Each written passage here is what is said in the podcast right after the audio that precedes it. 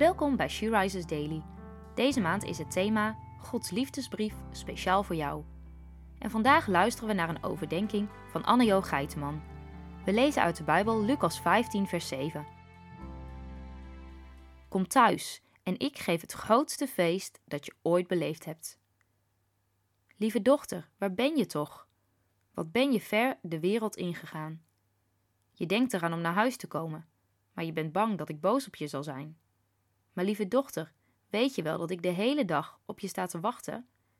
Als ik je zie, dan roep ik luidkeels: Ze is thuis, mijn dochter is naar me teruggekomen. Dan viert het hele huishouden feest.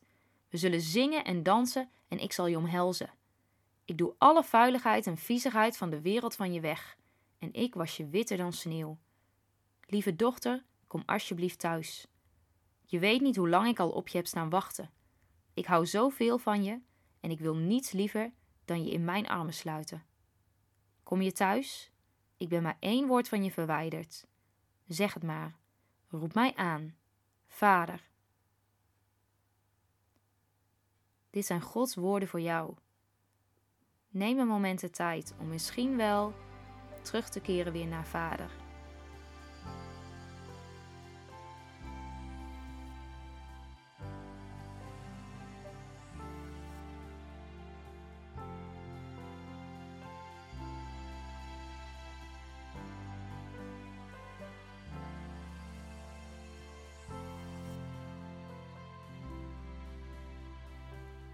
Laten we samen bidden. Vader, ik kom thuis. Neem mij in uw armen en laat me u nooit meer verlaten voor de wereld. Laat me alles vergeten behalve uw goedheid en uw liefde.